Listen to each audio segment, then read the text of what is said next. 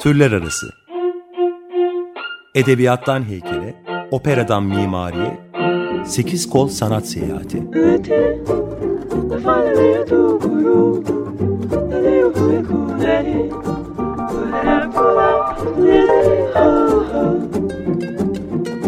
Hazırlayan ve sunan Eraslan Sağlam.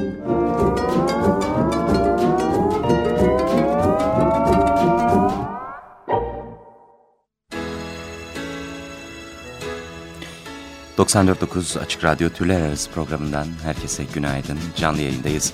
Saat 10.32.48 şu anda Flatwood Mac'le başlıyoruz. Don't Stop.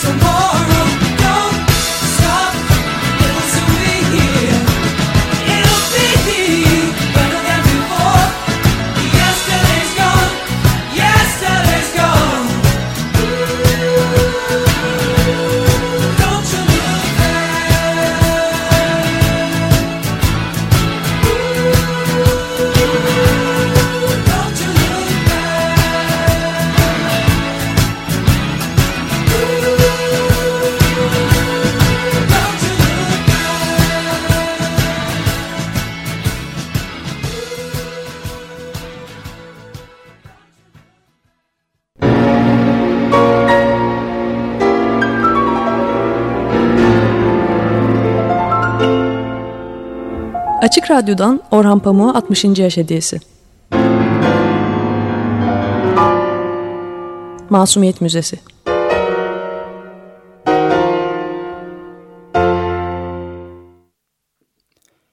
Zaman Tam yedi yıl on ay. Çukur Cuma'ya Füsun'u görmeye, akşam yemeğine gittim.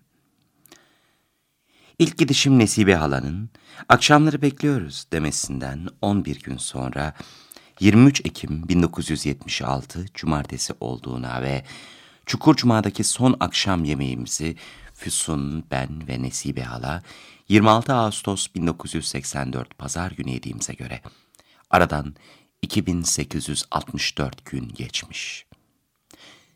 Hikayesini anlatacağım bu 409 haftada Notlarıma göre onlara 1593 kere akşam yemeğine gitmişim. Ortalama haftada dört kere demektir bu. Ama haftada dört gün hiç şaşmadan Çukur Cuma'ya akşam yemeğine gittiğimde sanılmasın. Bazı dönemlerde haftanın her günü onları görürdüm.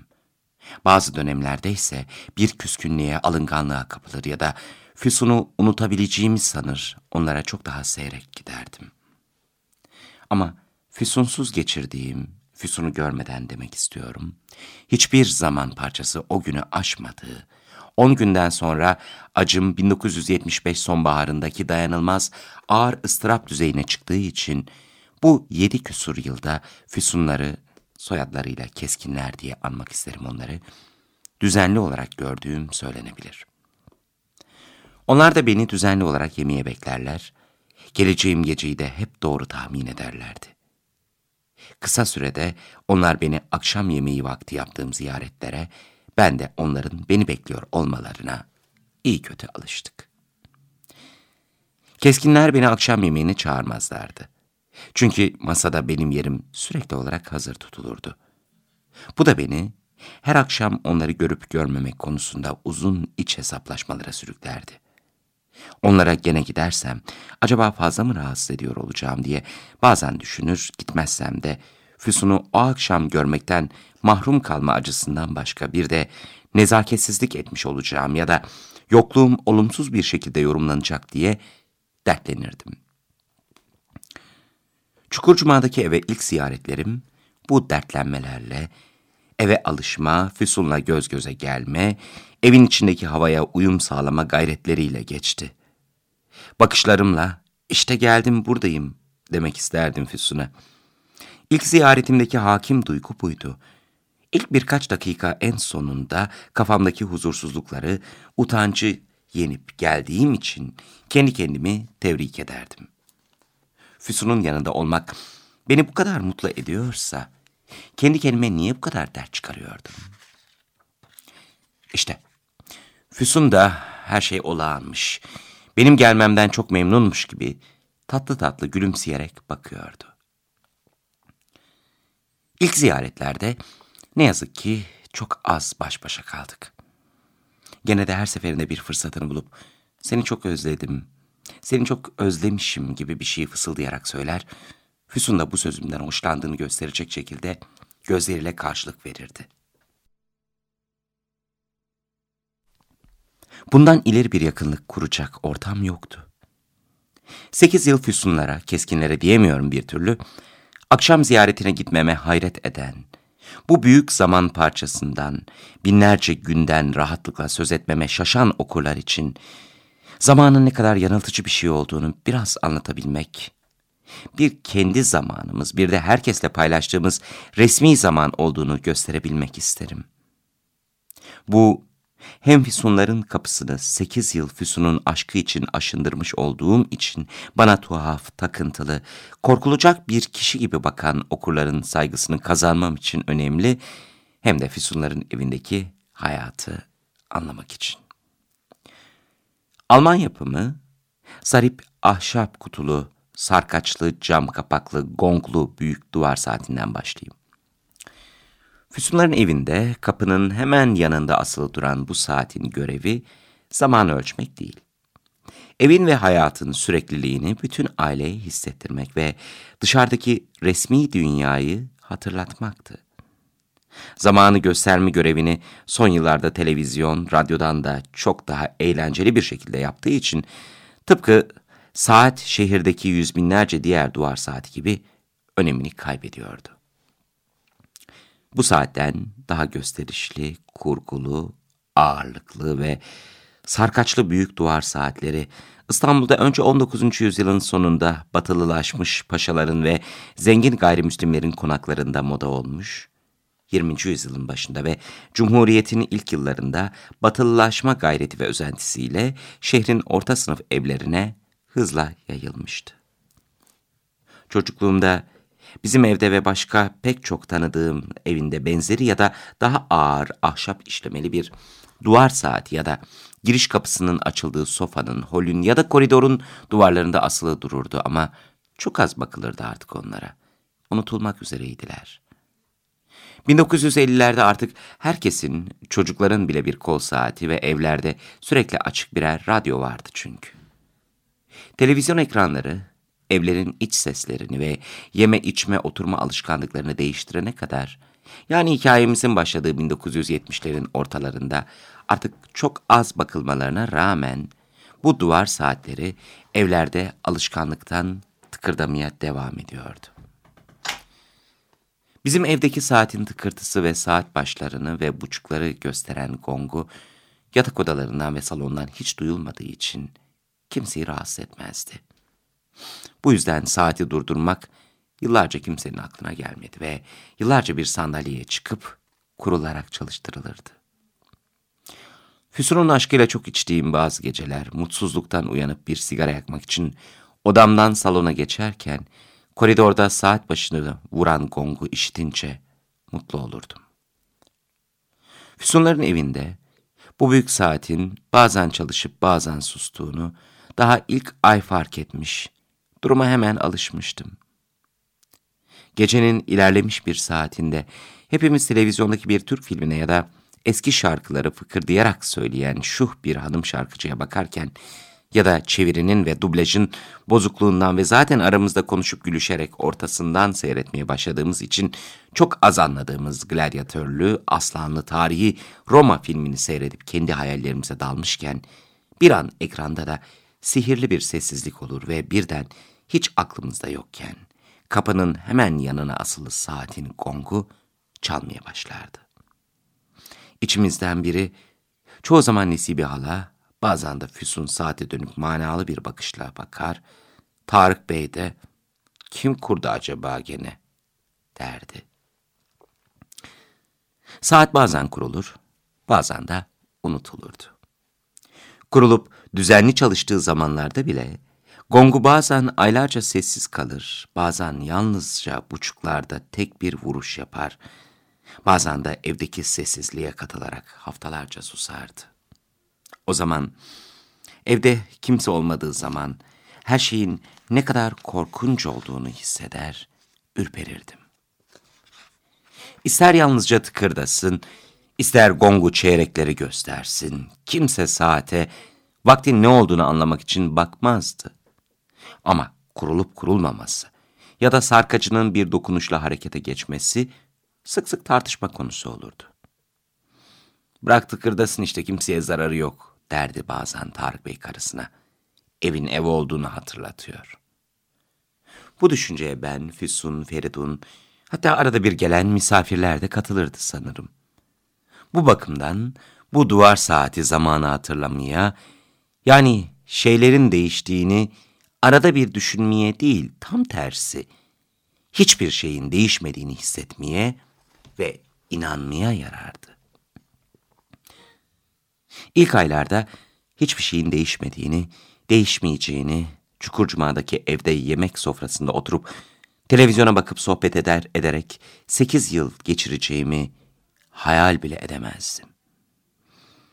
İlk ziyaretlerimde Füsun'un her sözü, yüzünde beliren her değişiklik, evin içinde gidiş gelişleri, her şey bana yeni ve değişik gelir Saat tıkırdasa da tıkırdamasa da önem vermezdim. Önemli olan onunla aynı sofrada oturmak, onu görmek, içimden hayaletim çıkmış onu öperken hiç kıpırdamadan durup mutlu olmaktı. Hep aynı şekilde tıkırdayan saat, bu tıkırdıyı, tıkırtıyı her an fark etmesek de evin, eşyaların, masada oturup yemek yiyen bizlerin değişmediğimizi, hep aynı kaldığımızı hissettirerek bizlere huzur verirdi. Saatin zamanı unutturan bu işleviyle, şimdiyi ve başkalarıyla ilişkimizi hatırlatan diğer işlevi, Tarık Bey ile Nesibe Hala arasında sekiz yıl boyunca zaman zaman alevlenen bir soğuk savaşında konusu oldu. Kim kurdu gene şimdi bunu, gecenin ortasında uykumuzu kaçırmak için, derdi Nesibe Hala. Bir sessizlikte saatin yeniden çalışmaya başladığını fark ettiğinde. Hani tıkırdamazsa sanki evde bir eksiklik, bir boşluk oluyor, demişti 1979 aralığında rüzgarlı bir akşam Tarık Bey. Eklemişti. Öbür evde de çalardı ama... Aa, hala alışamadın mı sen Çukurcuma'ya Tarık Bey? Demişti Nesibe hala. Bu sözlerin gerektirdiğinden çok daha şefkatli bir gülümsemeyle kocası da bazen Tarık Bey derdi. Karı koca arasında yıllarca sürüp giden ölçülü iğnelemeler, laf sokuşturmalar, taşı gediğine koymalar, duvardaki saatin hiç beklenmedik bir anda fark ettiğimiz tıkırtısı ya da çalmaya başlayan gongunun vuruşlarıyla şiddetlenirdi. Sen geceleri ben de uykusuz kalayım diye gene kurmuşsun bunu Tarık Bey, derdi Nesibe hala. Füsun, canım durdursana şunu lütfen. Sarkacı parmakla ortada durdururlarsa, saat ne kadar kurulu olursa olsun, hareketsiz kalırdı. Ama Füsun önce gülümseyerek babasına bakar. Tarık Bey bazen, peki durdur anlamına gelen bir bakış atar, bazen de inat ederdi. Ben elimi sürmedim. Saat kendi kendine çalıştı. Bırak kendi kendine dursun derdi. Bazı komşular ya da seyrek uğrayan misafir çocukları arasında bu esrarlı sözlerden etkilenenler olduğunu görünce Tarık Bey ile Nesibe Hala çift anlamlı sözlerle tartışmaya girerlerdi. İyi saatte olsunlar, saatimizi gene çalıştırmışlar, derdi Nesibe Hala. Hiç dokunmayın çarpılırsınız derdi Tarık Bey kaşlarını çatarak. Tehditkar bir havayla içinde cin var. Cinin tıkırtısına diyeceğimiz yok da gece yarısı sarhoş zangocun kilise çanı gibi kafa şişirmesin. Şişirmez şişirmez sen zaten zamanı unutsan daha rahat edersin derdi Tarık Bey. Burada zaman kelimesini modern dünya yaşadığımız çağ anlamında kullanırdı.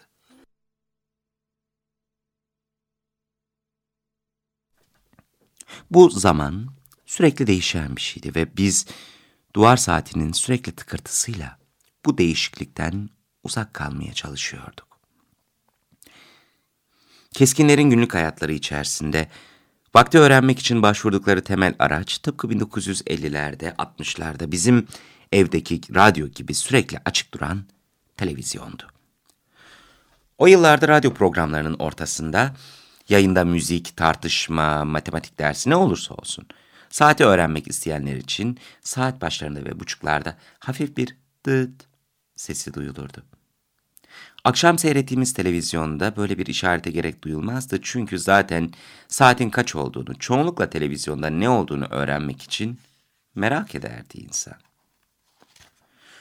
Füsun burada sergilediğim kol saatine, Tarık Bey'de 8 yıl boyunca onda pek çok çeşidini gördüğüm cep saatine günde bir kere onları ayarlamak için ya da mevcut ayarın doğru olduğunu bir kere daha görmek için bakarlardı. Bu ayar her akşam saat 7'de haberlerden bir dakika önce ülkenin tek televizyon kanalı olan TRT'nin yayınında ekranda beliren kocaman bir saate bakarak yapılırdı. Füsun'un akşam yemeğine otururken ekranda beliren kocaman saate bakarak, kaşlarını çatarak, dilini hafifçe yanağının kenarına değdirerek ve çocuk gibi ciddiyetle babasını taklit ederek kendi saatini ayarlayışını seyretmekten derin bir zevk alırdım. Bu zevkimi Füsun daha ilk ziyaretlerimde fark etmişti. Saatini ayarlarken onu aşkla seyrettiğimi bilir, ayarı tam yapınca bana bakarak gülümserdi. Tamı tamına yaptın mı? derdim o zaman ben ona. Evet, tam oldu derdi o da bana daha sıcak bir gülümsemeyle. Bu sekiz yılda yavaş yavaş anlayacağım gibi ben her akşam keskinlerin evine yalnızca Füsun'u görmeye değil, onun içinde yaşayıp havasını soluduğu alemde bir süre yaşamak için de gidiyordum. Bu alemin temel özelliği de zaman dışı olmasıydı. Tarık Bey karısına zamanı unut derken işte bunu kastediyordu. Müzemize ziyarete gelen meraklının, keskinlerin bütün eski eşyalarına, bozulmuş, paslanmış, yıllardır çalışmayan çalar saatlerine, kol saatlerine bakarken, bu zaman dışı tuhaflığı ya da bu şeylerin kendi aralarında oluşturdukları özel zamanı fark etmesini isterim. Bu özel zaman, Füsunların evinde yıllarca soluduğum ruhtur.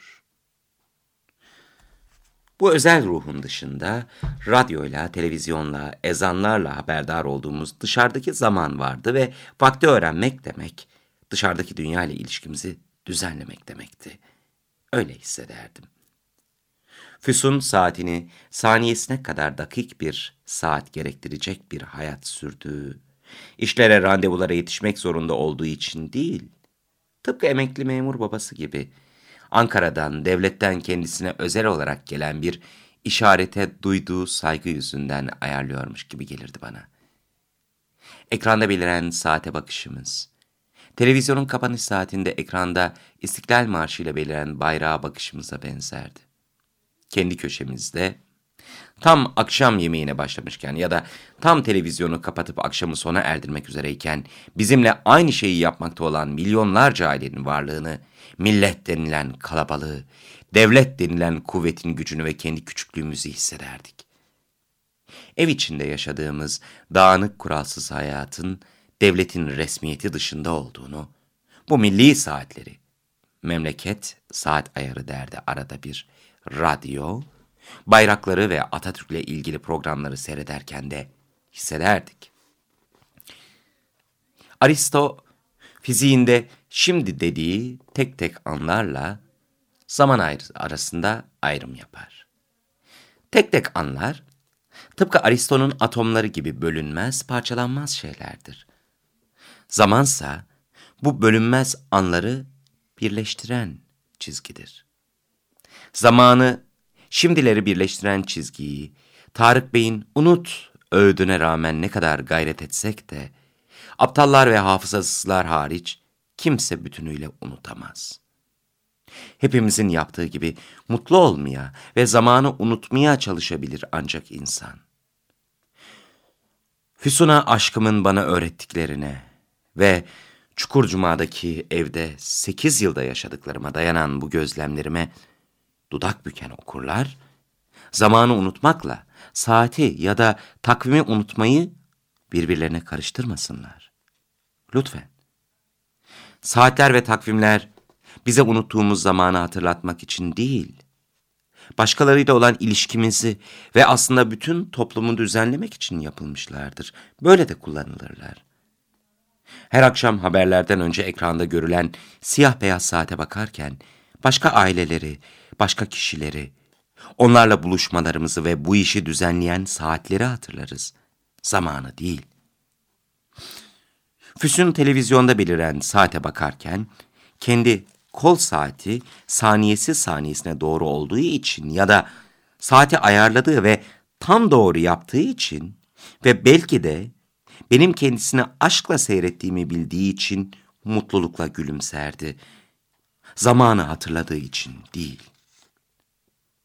Yaşadığım hayat, zamanı, yani Aristo'nun şimdi dediği anları birleştiren çizgiyi hatırlamanın çoğumuz için pek acı verici olduğunu bana öğretmiştir. Anları birleştiren ya da müzemizde olduğu gibi anları içlerinde taşıyan eşyaları birleştiren çizgiyi gözümüzün önüne getirmeye çalışmak, hem çizginin kaçınılmaz sonucunu, ölümü hatırlattığı için hem de çizginin kendisinin çoğu zaman hissettiğimiz gibi pek bir anlamı olmadığını yaşımız ilerledikçe acıyla kavradığımız için üzer bizi. Oysa şimdi dediğimiz anlar. Çukur Cuma'ya akşam yemeklerine gitmeye başladığım günlerde olduğu gibi Füsun'un bir gülümseyişiyle bazen bir yüzyıl yetecek kadar mutluluk verebilir bize. Keskinlerin evine hayatımın geri kalanında bana yetecek mutluluğu almaya gittiğimi daha baştan anlamıştım ve evlerinden Füsun'un dokunduğu irili ufaklı küçük eşyaları, bu mutlu anları saklamak için alıp götürüyordum. Bu sekiz yılın ikincisinde bir akşam geç saatlere kadar oturmuş, televizyon programı bittikten sonra Tarık Bey'in Kars Lisesi'ndeki gençlik ve öğretmenlik anılarını dinlemiştim. Sınırlı öğretmen maaşı, yalnızlık ve pek çok kötülükle boğuşarak geçen bu mutsuz yılların hatıralarının Tarık Bey'e tatlı gelmesinin nedeni, pek çoklarının sandığı gibi yıllar geçtikçe kötü hatıraların bile bize iyi gözükmesi değil, yaşadığı kötü dönemden kötü bir çizgi, zaman, yalnızca iyi anları, şimdi noktaları hatırlayıp anlatmaktan hoşlanmasıydı. Bu ikiliye dikkat çektikten sonra Kars'tan aldığı çift kadranlı bir saati, bir yüzü Arap, diğer yüzü Latin harfli doğu batı saatini nedense hatırlayıp bana göstermişti. Ben de kendimden bir örnek vereyim. Füsun'un 1982 Nisan'ında takmaya başladığı bu Brem marka incecik kol saatini görür görmez.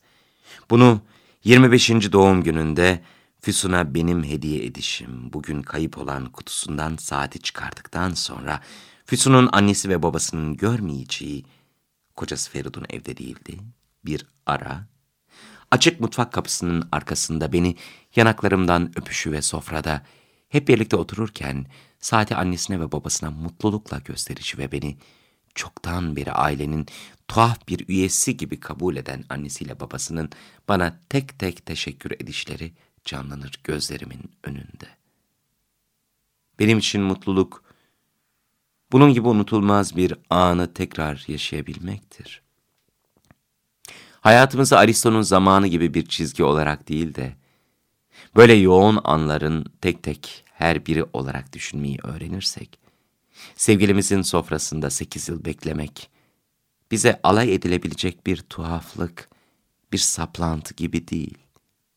Şimdi yıllar sonra düşündüğüm gibi, Füsunların sofrasında geçirilmiş 1593 mutlu gece gibi gözükür. Çukurcuma'daki eve, yemeğe gittiğim akşamların her birini, en zorunu, en umutsuzunu ve en gurur kırıcı olanını bile bugün büyük bir mutluluk olarak hatırlıyorum.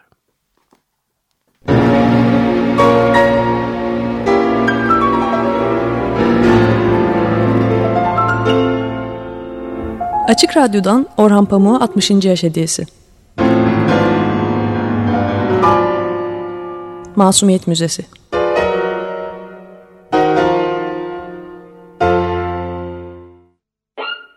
Türler Arası Edebiyattan heykele, operadan mimariye, sekiz kol sanat seyahati.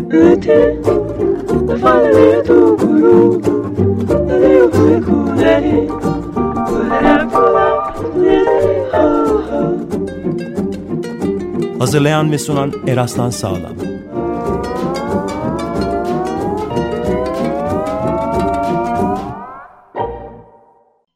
Açık Radyo program destekçisi olun.